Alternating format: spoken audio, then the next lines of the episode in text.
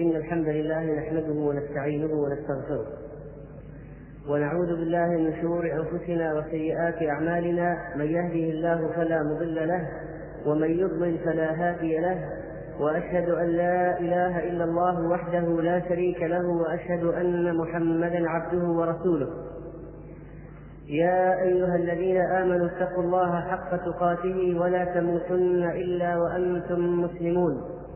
يا أيها الناس اتقوا ربكم الذي خلقكم من نفس واحدة وخلق منها زوجها وبث منهما رجالا كثيرا ونساء واتقوا الله الذي تساءلون به والأرحام.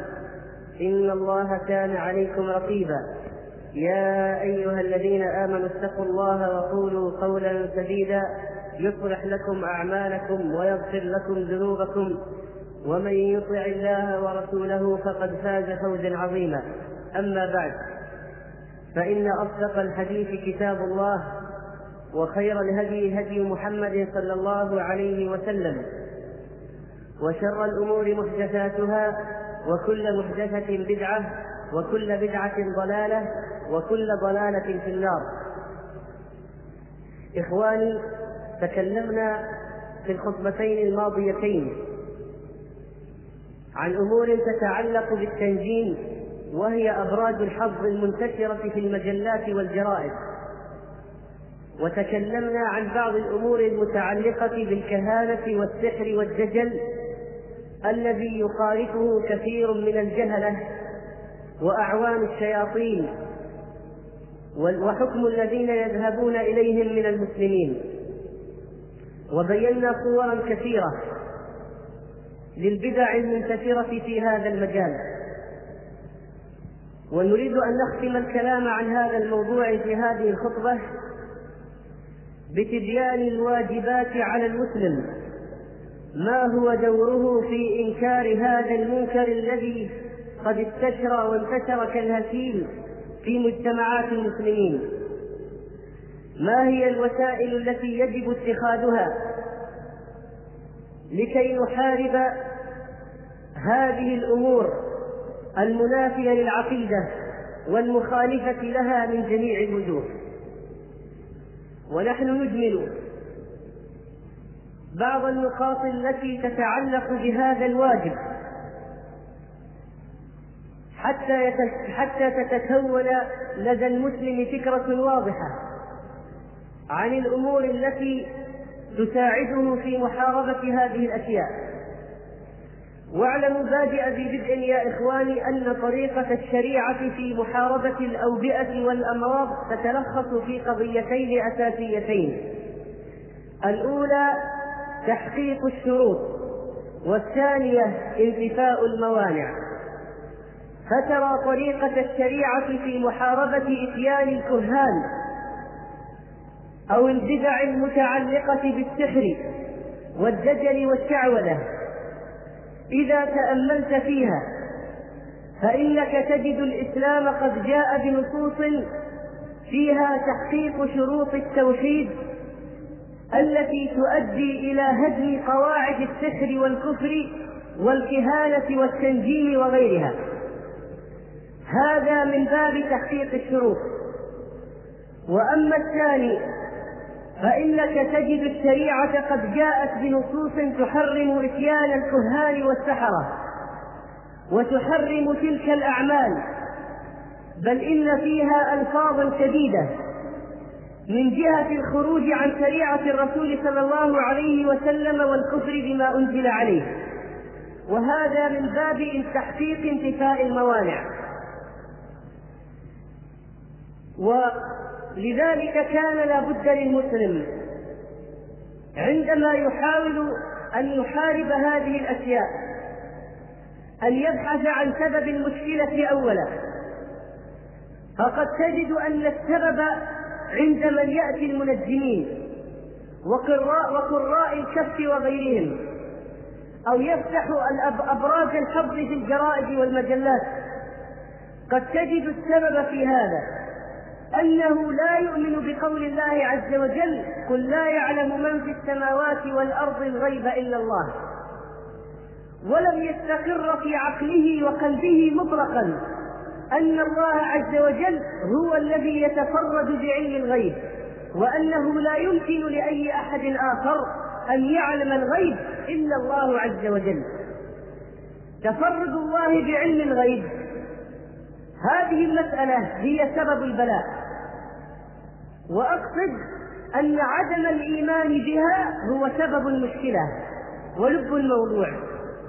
فإذا أردت أن تجابه هؤلاء الناس فإن عليك أن تقر في أذهانهم هذه المسألة وتأتي بالنصوص من القرآن والسنة وأقوال علماء السلف أن الله هو الذي يعلم الغيب فقط. وأن من ذهب إلى أناس يعتقد أنهم يعلمون ما يحدث في المستقبل فإنه قد نازع الله تعالى في حق عظيم من حقوق الربوبية وهو علم الغيب. وهذا كفر شنيع ولا حول ولا قوة إلا بالله. وإذا تأملت مثلا وأردت أن تعالج أحوال الناس الذين يعلقون التمائم الشركية والأحجبة التي يسمونها بالعزائم فإنك ستجد أن هؤلاء الناس يعانون من نقص خطير في فهم لا كاشف له إلا هو والإيمان بهذا النص وما شابهه. فإذا لو كانوا يؤمنون بأنه إذا مس الإنسان ضر فإنه لا يكشفه إلا الله عز وجل. فلماذا يذهبون إلى أولئك الكهان والعرافين يطلبون منهم أن يكشفوا هذا الضر الذي نزل بهم؟ وبالجملة فإن تعليم الناس أسماء الله وصفاته من الأمور التي تحارب الشرك والدجل من أساسهما. وإذا انتقلت معي إلى الشطر الآخر وهو انتفاء الموانع. فإننا يجب أن نعلم الناس ما هو حكم إتيان الكهان وماذا يكون حكم من صدقهم ونأتي لهم بالآيات والنصوص الدالة على ذلك وهذه مسألة سبق أن بيناها فيما مضى. ثالثا يا إخواني من الوسائل أو الوسيلة التي تخدم الغرضين السابقين. إقامة الحلقات العلمية في المساجد والبيوت وغيرها من مجالس الناس وأماكن اجتماعهم التي تنتقى فيها المراجع الجيدة من كتب التوحيد التي ألفها علماؤنا الأجلاء. وتدرس دروس خاصة في هذا الجانب. يجمع لها الناس وخصوصا النساء في البيوت الذين طالما صدقوا بهذا الدجل والشعوذة نتيجة قلة العقل والدين الذي طبعت عليه المرأة. فلو وجدنا مثلا أن في مجتمعنا مسألة تعليق التمائم والعزائم منتشرة وتعليق الأوتار والخيوط فنأخذ مثلا كتاب التوحيد وشرحه لمجدد الدعوة الشيخ محمد بن عبد الوهاب رحمه الله. ومن شرحه فنستخرج لهم من هذا الكتاب الأبواب المناسبة لمحاربة هذه الأدواء التي انتشرت فيما بينهم.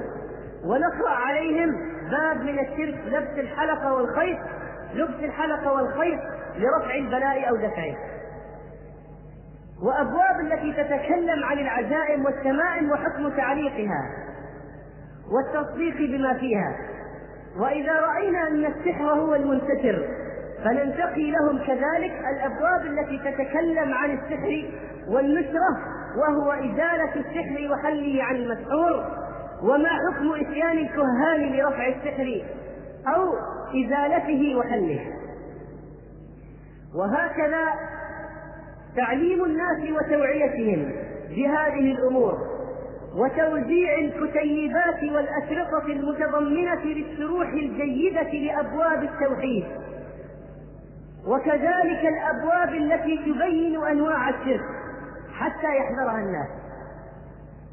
رابعا إعطاء البديل الإسلامي المشروع في علاج كثير من الأمراض والنوازل والأدواء التي بسببها يقع الناس في الشرك ويحاولون لحلها وإزالتها أن يأتوا الكهان والسحرة فيقعوا في الكفر والعياذ بالله. فنقول لهم مثلا إن في القرآن الكريم آية يقول الله فيها وننزل من القرآن ما هو شفاء ورحمة للمؤمنين. فإذا في القرآن شفاء من الأمراض البدنية والقلبية. وهذا السحر أو العين مرض من الأمراض التي تصيب البدن بأشياء خفية. علاجها أين؟ في القرآن الكريم. مثل ماذا؟ مثل المعوذات القواقل. قل أعوذ برب الفلق قل أعوذ برب الناس قل هو الله أحد. وسورة الفاتحة وآية الكرسي وتقرأ الآيات التي فيها مثل قول الله عز وجل ما جئتم به السحر إن الله سيبطله. إن الله لا يصلح عمل المفسدين ولا يفلح الساحر حيث أتى على من أصيب بالسحر فتنفعه بإذن الله. وتقرأ الآيات التي فيها الاستعاذة من شر الحاسد إذا حسد. وإن يكاد الذين كفروا ليزلقونك بأبصارهم فتنفع من أصيب بالعين بإذن الله. ونعلمهم كذلك أن لكل من هذه الأمراض طرق للعلاج بينها العلماء. فمن علاج السحر مثلا استخراج السحر والبحث عنه وإتلافه بالحرق ونحوه حتى يزول أثره حتى يزول أثره عن المسحور وهكذا فعل رسول الله صلى الله عليه وسلم لما سحره اليهودي الساحر لبيد فإن رسول الله عليه السلام قد طلب السحر الذي سحر به حتى استخرج له استخرجه علي رضي الله عنه فأتلفه فزال أثر السحر عنه عليه السلام. وكثيرا ما يكون هذا في بيت الإنسان المسحور أو متاعه الشخصي فينقب عنه. فإذا وجده أتلفه فيكون هذا من أسباب إزال زوال هذا السحر والضرر عن المسحور وقد تنفع الحجامة كما بين ابن القيم رحمه الله في الزاد. ونبين للناس أيضا أن هناك أذكارا أن هناك آيات وأذكارا ودعوات جاء بها الإسلام. كنحو ما قدمنا قبل قليل من الآيات. ونحو قول رسول الله عليه السلام فيما علمنا الاستعاذات أعوذ بكلمات الله التامات من شر ما خلق. أعوذ بكلمات الله التامة من كل شيطان وهامة ومن كل عين لامة. أعوذ بكلمات الله التامات التي لا يجاوزهن بر ولا فاجر من شر ما خلق وذرأ وبرأ ومن شر ما ينزل من السماء ومن شر ما يعرج فيها. ومن شر ما ذرأ في الأرض ومن شر ما يخرج منها. ومن شر فتن الليل والنهار ومن شر طوارق الليل. إلا طارقا يطرق بخير يا رحمن. وغيرها كثير من الأذكار الواردة في علاج هذه الأمور. وكذلك علاج العين في صب غسالة العائن على المعين. لطفا يقلب الشريف. بأن يؤمر فيتوضأ. ويغسل داخلة إزاره وأطرافه ثم يؤتى بهذه الغسالة فتصب على المعين من خلفه فيزول أثر العين بإذن الله. كذا روى أبو داود عن رسول الله صلى الله عليه وسلم في الحديث الذي صح في ذلك. ويقرأ على هذا الذي أصابته العين بسم الله أرقيك من كل شيء يؤذيك ومن شر كل نفس أو عين حاسد الله يكفيك. بسم الله أرقيك. رواه مسلم. فإذا أيها الإخوة نربط هؤلاء الذين قد وقع فيهم هذا المصاب بالله عز وجل. قرآن كلام الله. أذكار يذكر الله فقط. تعاويذ علمنا رسول الله صلى الله عليه وسلم كيف نتعوذ وبما نتعوذ ومن أي شيء نتعوذ. فالقضية ربط هذا المريض بالله فقط. وهكذا ينفع العلاج إذا تم التوكل على الله. ويأتي بعض الناس يقولون قرأنا فلم ننتفع وجربنا فلم نبرأ فنقول إن البلاء في نفوسكم أنتم ليس البلاء في الآيات والأذكار والتعويذات النبوية. لو صح التوكل في قلوبكم على الله لبرئتم ولكن لما أقبلتم على هذه الأشياء بنفس المجرد الذي يشك هل تنفع أو لا تنفع أو هل تؤثر هذه الآيات أو لا تؤثر وتأخذونها مأخذ المجرد الذي يشك في الأمور فلذلك لم تنفع. فالبلاء في نفوسكم أنتم لا في هذه الآيات والأحاديث. صححوا التوكل وصححوا الإيمان في القلوب فإنكم تبرؤون باستخدامها بإذن الله. خامسا مناقشة هؤلاء الدجالين والمشعوذين إذا استطاع الإنسان أن يصل إلى أحد منهم أو قابله أو مر على مجلس من مجالسه حتى يبين لهذا الكاهن أو الساحر أو الدجال أن فعله شرك ويقيم عليه الحجة. كما فعل رسول الله صلى الله عليه وسلم في حديث الصحيحين أنه تقصد أن يذهب إلى ابن صياد الدجال واختبأ لكي يصل إليه فلم يشعر به ابن صياد حتى ضربه رسول الله صلى الله عليه وسلم على ظهره من الخلف. ثم قال له عليه السلام أصل القصة في الصحيحين وهذه الرواية من صحيح مسلم. قال أتؤمن أني رسول الله أو أتشهد أني رسول الله؟ قال ابن صياد أشهد أنك رسول الأميين. ثم قال ابن صياد لرسول الله صلى الله عليه وسلم أتشهد أني رسول الله؟ فرفضه رسول الله صلى الله عليه وسلم وقال آمنت بالله ورسله. ثم قال له عليه السلام ما يأتيك؟ فقال يأتيني صادق وكاذب. ثم قال له عليه السلام ما ترى؟ ماذا ترى؟ قال أرى عرشا على الماء.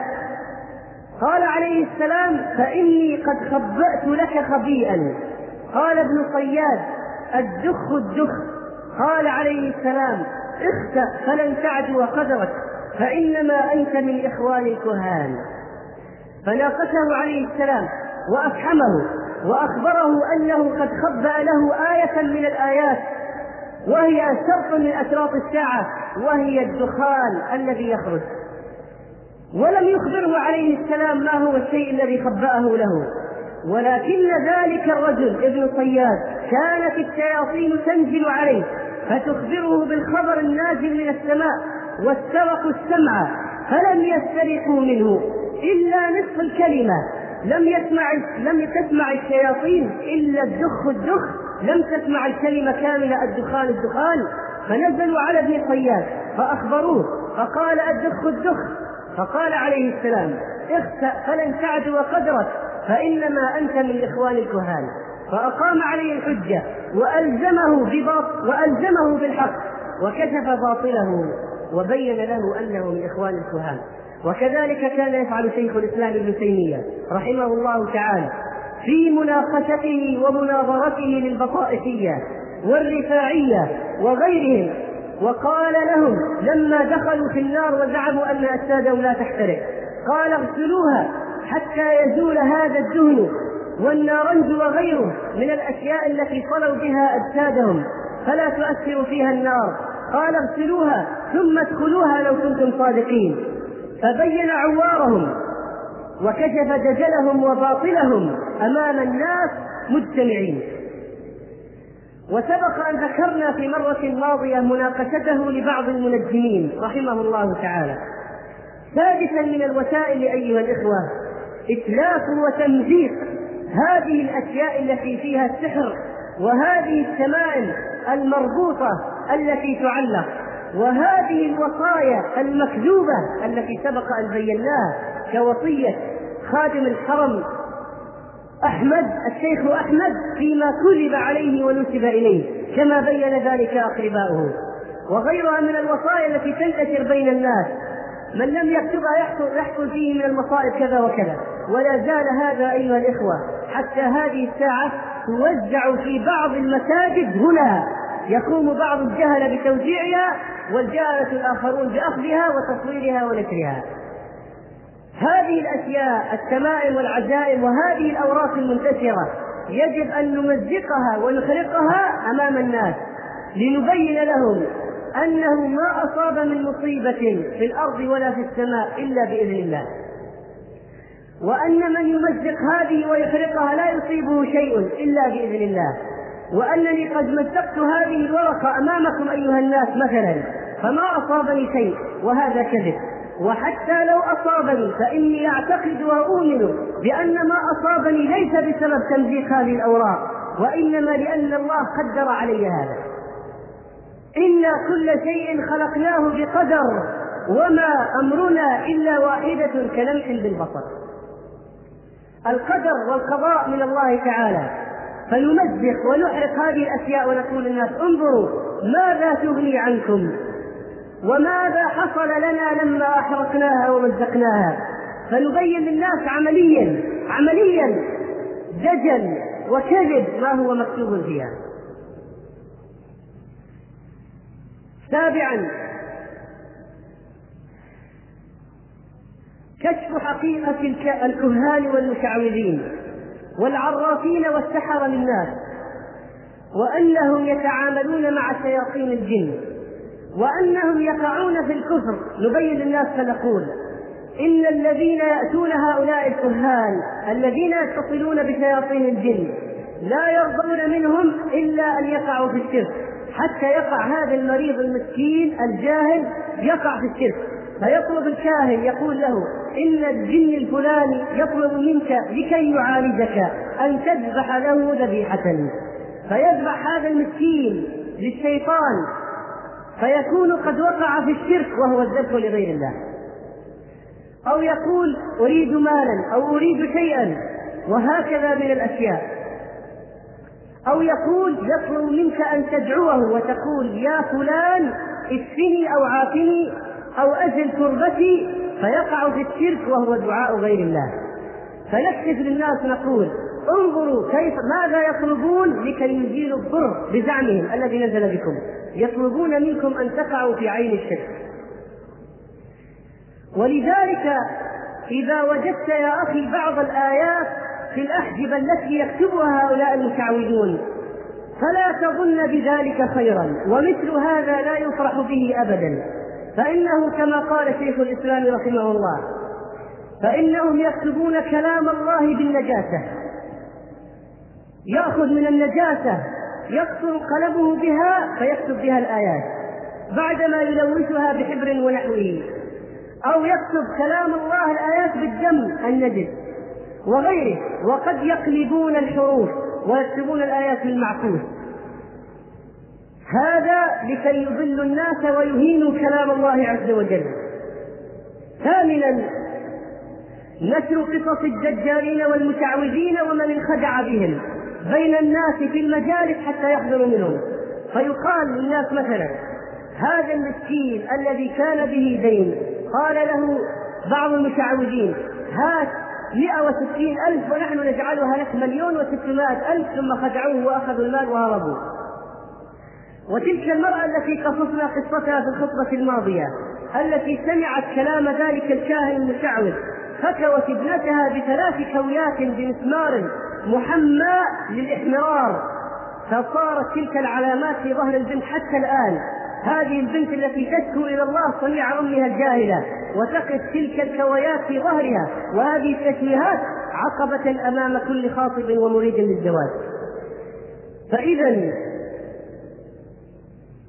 تبيين هذه الأشياء وعرضها للناس يزيل الغشاوة من عن يزيل الغشاوة عن أعينهم. تاسعا تنبيه تنبيه الناس إلى الغش والوسائل التي يستخدمها أولئك الدجلة. بعض الناس يأتي ويقول يا أخي إن الكاهن أو الرجل الفلاني لما ذهبت إليه قال سيحدث لك غدا كذا أو بعد أسبوع كذا أو بعد شهر كذا وقد حدث لي فعلا بالتفاصيل التي ذكرها. كيف تقول أنه دجال ومتعوذ لقد رأيت بعيني ما أخبرني به قد حصل. ماذا نقول للناس عند ذلك؟ وهذا كثير منتشر. نقول أولا إن الكلام الذي قد أخبروا به إما أن يكون خبرا عاما من الممكن أن يحصل جدا لأي إنسان كما سبق أن بينا في الخطبة الأولى عن موضوع التنجيم وأبراج الحظ. يكتبون مكافأة مالية ستصلك. وكل الناس ممكن أن تصلوا مكافآت مالية. فإذا حدثت قال صدق الكاهن. وأي صدق في ذلك؟ ترى غائبا قادم من سفر بعيد. من الممكن جدا أن ترى غائبا قادم من سفر بعيد. فنبين لهم هذه الخديعة. وإن كانوا قد أخبروا بأشياء لا تحدث في العادة. فقال لك مثلا إنك ستذهب إلى الصين وتقابل كذا وكذا. وحدث لك أن ذهبت فعلا. فنقول للناس عند ذلك الأحاديث التي قالها رسول الله صلى الله عليه وسلم إن الشياطين يركب بعضهم فوق بعض إلى السماء فيسمع الخبر الذي تتناقله الملائكة. الله عز وجل يوحي للملائكة افعلوا كذا ولفلان كذا وأنزلوا كذا. فيسمع بعض بعض الشياطين الخبر فينقلونهم ينقلونه إلى شياطين الإنس. فيكذبون معه تسعة وتسعين كذبة ثم يخبرون الناس. والناس المشكلة فيهم أنهم لا يتذكرون من كلام الكاهن إلا المرة التي صدق فيها. يكون الكاهن قد أخبر مئة خبر واحد صادق وتسعة وتسعين كذب. الناس مشكلتهم أنهم لا يصدقون لا يتذكرون ولا يعلق في أذهانهم إلا الخبر الصادق. فيقولون وي فلان صدق. عجبا. لقد أخبر بما تحقق فعلا. إذا هو يعلم ما في الغيب وينسون تلك الكذبات. فنقول لهم هذا بسبب استراق السمع من الشياطين الذين يخبرون أولياء أولياءهم من شياطين الإنس فيخبرونكم أنتم به فتضلون. كذلك أيها الإخوة يأتي بعضهم فيقول لقد ذهبنا إلى الكاهن أو العراف الفلاني وقبل أن نسأله عن شيء بمجرد ما أخبرناه عن الاسم اسم اسم الآتي أخبرنا عن أخبرني عن اسم أبي واسم أمي واسم إخواني وأسماء أعمامي وأين كانوا يعملون وكيف انتقل أحدهم من بلد إلى آخر وماذا جاء لفلان من الأولاد؟ كيف عرف هذا؟ وهذا الكاهن في بلد بعيد ذهبت إليه. فنقول له يا أخي افهم بأن الجن قال الله عنهم إنه يراكم هو وقبيله من حيث لا ترونهم.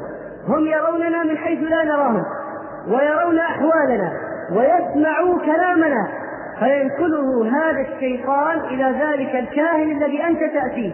يقول له إن فلان له من الأخوال كذا ومن الأعمام كذا وأبوه كان لونه كذا وعمله كذا وتوفي في اليوم الفلاني. بالمرض الفلاني ويخبرك الكاهن أنت فتصدق ولو أنك علمت أن الله يقول إنه يراكم هو وقبيله من حيث لا ترونهم. وعلمت بأن مع كل إنسان شيطان كما قال رسول الله صلى الله عليه وسلم في الحديث الصحيح الذي رواه أحمد ومسلم عن ابن مسعود ما منكم من أحد إلا وقد وكل به قرينه من الجن وقرينه من الملائكة. كل واحد فينا الآن معنا معه قرين من الجن وقرين من الملائكة. فهذا الملك يحث على عمل الخير وذلك الشيطان يحث على عمل الشر. هذا الشيطان الملازم للإنسان يعرف أحوال الإنسان ويرى الإنسان. ولذلك شرعت لنا التسمية وقراءة المعوذات لنستعيذ من شره. هذا الملازم لك يعرف أحوالك.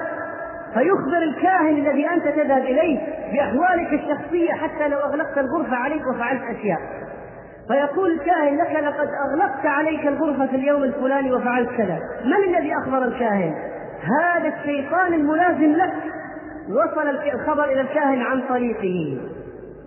لو عرفنا هذه الأحاديث لم نستغرب مطلقا تلك الأخبار والتفصيلات الدقيقة التي يخبر بها بعض المتعودين. وكذلك تلك القصة التي حدثت مع بعض الصالحين لما دخل على بعض الأمراء وعنده عراف يقول للناس خذوا ما شئتم من الحصى في أيديكم وأنا أعرف كم. فيأخذ الناس الحصى ويخبئونه عن ذلك الرجل فيعدونه ثم يقول ذلك العراف في يدك كذا من الحصى عدد كذا. ويكون كلامه صحيحا. فلما جاء ذلك الرجل الصالح قال أنا أتحداه أن يعرف ما في يدي. فأخذ قبضة من الحصى فلم يعدها. قال كم بيدي؟ قال كذا. فعدها فإذا هي بخلاف ما قال العراف. فقالوا له كيف فعلت؟ قال أنتم عددتم لما قبضتم الحصى فعد معكم القرين. فاخبرهم وأنا لم أعد فلم يعد مع القرين فلم يستطع أن يعرف. فاذا أيها الإخوة لا ننخدع بهذه الألاعيب وهذه الأشياء التي نسمعها. وفقنا الله وإياكم لأن نعيش ونحيا على التوحيد وأن نموت على التوحيد وأن يكون آخر كلامنا من الدنيا شهادة التوحيد وصلى الله على نبينا محمد وأستغفر الله لي ولكم. الحمد لله رب العالمين. الرحمن الرحيم مالك يوم الدين. وأشهد أن لا إله إلا هو ولي ولي الصالحين وأشهد أن محمدا عبده ورسوله سيد ولد آدم. ومما ينبغي عمله يا إخواني كذلك مع هؤلاء الناس الذين يصدقون بهذه الترهات أن نزيل استغراباتهم من بعض الحوادث الحقيقية التي تقع ويبين لهم ما هو سبب وقوعها. حتى نسد عليهم الطريق أمام الذهبه أمام الذهاب إلى العرافين والكهان.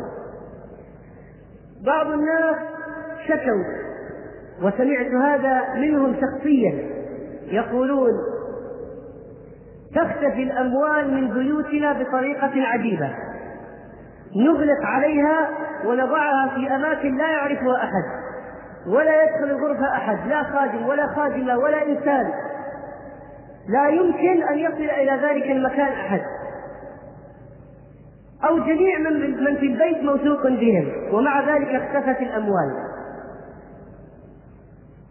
فقد يأتي هؤلاء الشيطان فيقول لهم اذهبوا إلى الساحر أو الشاهر الفلاني حتى يعلمكم من الذي أخذها وأين توجد فيقعون في شيء من الشرك. ولكن إذا رجعنا نصوص أئمة الإسلام لوجدنا الجواب واضحا. قال شيخ الإسلام رحمه الله في الفتاوي عن بعض الأشياء التي يقوم بها بعض شياطين الجن. يقول وإما أن يأتيه بمال من أموال بعض الناس كما تسرقه الشياطين من أموال الخائنين ومن لم يذكر اسم الله عليه وتأتي به. فإذا هؤلاء الشياطين الذين ينفذون من الجدران ويدخلون البيوت التي لم يكن صاحبها عندما أقفل بابها بسم الله. ولم يكن صاحب المال لما أودعه في مكانه بسم الله. يستطيعون أن يذهبوا إلى المال فيخرجوه. ويسرقوه من جوف البيت ولم يرهم أحد. يمكن أن يفعلوا هذا. ويأتون به ذلك الكاهن. وينصح هؤلاء المساكين أن يأتوا الكاهن. فيذهب الكاهن فيقولون لقد سرقنا أين المال؟ ابحث لنا. فيقول أنا آتيكم به. ثم يغيب ويخرج المال وهو عين المال والمجوهرات والمصروفات التي سرقت. فيتعلق الناس بهذا الكاهن. ومن الذي جلبها اليه إنه الشيطان الذي سرقها من داخل البيت الذي لم يذكر فيه اسم الله. فاذا ويقول شيخ الإسلام وأعرف في كل نوع من هذه الأنواع من الأمور المعينة ومن وقعت له ممن أعرفه ما يطول حكايته فإنه كثير جدا. كان شيخ الإسلام رحمه الله مركز معلومات يأتيه الناس القاصي والداني يشكون إليه وهو يعلمهم التوحيد ويكشف لهم الخدع والألاعيب. هكذا يجب أن يكون موقفنا مع الناس. فنقول له قبل أن تضع نقودك سم الله واعرف على أن يكون حلالا فلا تصل إليه الشياطين بإذن الله. هذا بعد أن يكون قد دقق أنه لا أحد من أهل البيت قد سرقه لأنها قد تكون حادثة سرقة عادية جدا. كذلك من كشف ألاعيب هؤلاء وحيلهم أن الشياطين تستطيع أن تتشكل وتقلد أصوات بني آدم بدقة. فيقوم بعض جهلة العباد ينادون أولياء الله الميتين أو الأحياء وهو في مكان بعيد جدا. يقول يا سيدي فلان اشفي كذا؟ اشفي مريضه فيقلد الشيطان صوت ذلك الميت لأنه كان قد ضبطه أو الحي البعيد. فيقول نعم قد أجبتك. فيظن هذا المسكين أنه قد دعا ذلك السيد أو الولي فأجابه. وهذا أيضا من الأشياء التي ذكرها شيخ الإسلام رحمه الله وقد يخبرك يوما من الدهر إنسان أنها قد حدثت له. أو قال لك أسمع أصواتا لا أدري ما مصدرها. أسمع شخصا يناديني باسمي وألتفت لا أرى أحد. حدثت قصص واقعية للسلف بسبب إيذاء الشياطين الذين يريدون أن يخيفوا بني آدم فينادونهم في الليل بأصواتهم وأسمائهم. كذلك أيها الإخوة نبين للناس ما حكم الأموال التي تدفع إلى هؤلاء الكهان والمشعوذين. ونقول لهم إن الأجرة التي تدفع لهؤلاء الناس حرام. وقال رسول الله صلى الله عليه وسلم في الحديث الصحيح أو جاء في الحديث الصحيح أنه عليه السلام نهى عن حلوان الكاهن ومهر البغي. حلوان الكاهن هو الحلاوة المالية النقدية الأجرة التي تدفع للكاهن لقاء قيامه بالعمل من كشف الغيب وإزالة الضرر ونحوه. وفي الصحيح أنه عليه السلام قال حلوان الكاهن خبيث فإذا هذه الأجرة حرام أن تدفعها. قال شيخ الإسلام الأجرة المأخوذة على ذلك والهبة والكرامة التي تعطى للساحر والمشعوذ والكاهن حرام على الدافع والآخذ وقال يحرم على لو قال إنسان أنا عندي عقارات وقد اكتشفت أن إحدى الشقق المؤجرة يسكن فيها أحد الكهان وأن الناس يأتونه. يأتونه ليقرأ لهم الغيب والصالع والفأل ويعالج أمراضهم بالشعوذة ماذا أفعل؟ أقول لك اسمع هذه الفتوى من شيخ الإسلام. يحرم على الملاك ملاك العقارات والوكلاء كأصحاب المكاتب العقارية مثلا. إكراء الحوانيت أو غيرها من هؤلاء الكفار والفساق إذا غلب على ظنهم أنهم يفعلون فيها هذا الجبت الملعون. قال شيخ الإسلام ويجب على ولي الأمر وكل قادر السعي في إزالة ذلك ومنعهم من الجلوس في الحوانيت أو الطرقات أو الدخول على الناس في منازل في منازلهم لذلك. وإن لم يفعل ذلك إذا ما فعلت وغيرت هذا المنكر فيكفيك قول الله عز وجل كانوا لا يتناهون عن منكر فعلوه. وقوله سبحانه وتعالى لولا ينهاهم الربانيون والأحبار عن قولهم الإثم وأكلهم السحت يجب أن نتناهى عن المنكر وأن نغير الناس هذا الدجل. ثم قال شيخ الإسلام والقيام في ذلك من أفضل الجهاد في سبيل الله. وختاما أيها الإخوة أذكر كل مسافر إلى أي بلد من بلاد المسلمين أو حتى بلاد الكفار. في الإجازة القادمة لأن كثيرا من إخواننا المقيمين في هذه البلاد يذهبون إلى بلادهم في الإجازة أو ناس يذهبون إلى الخارج للعلاج وما شابه ذلك.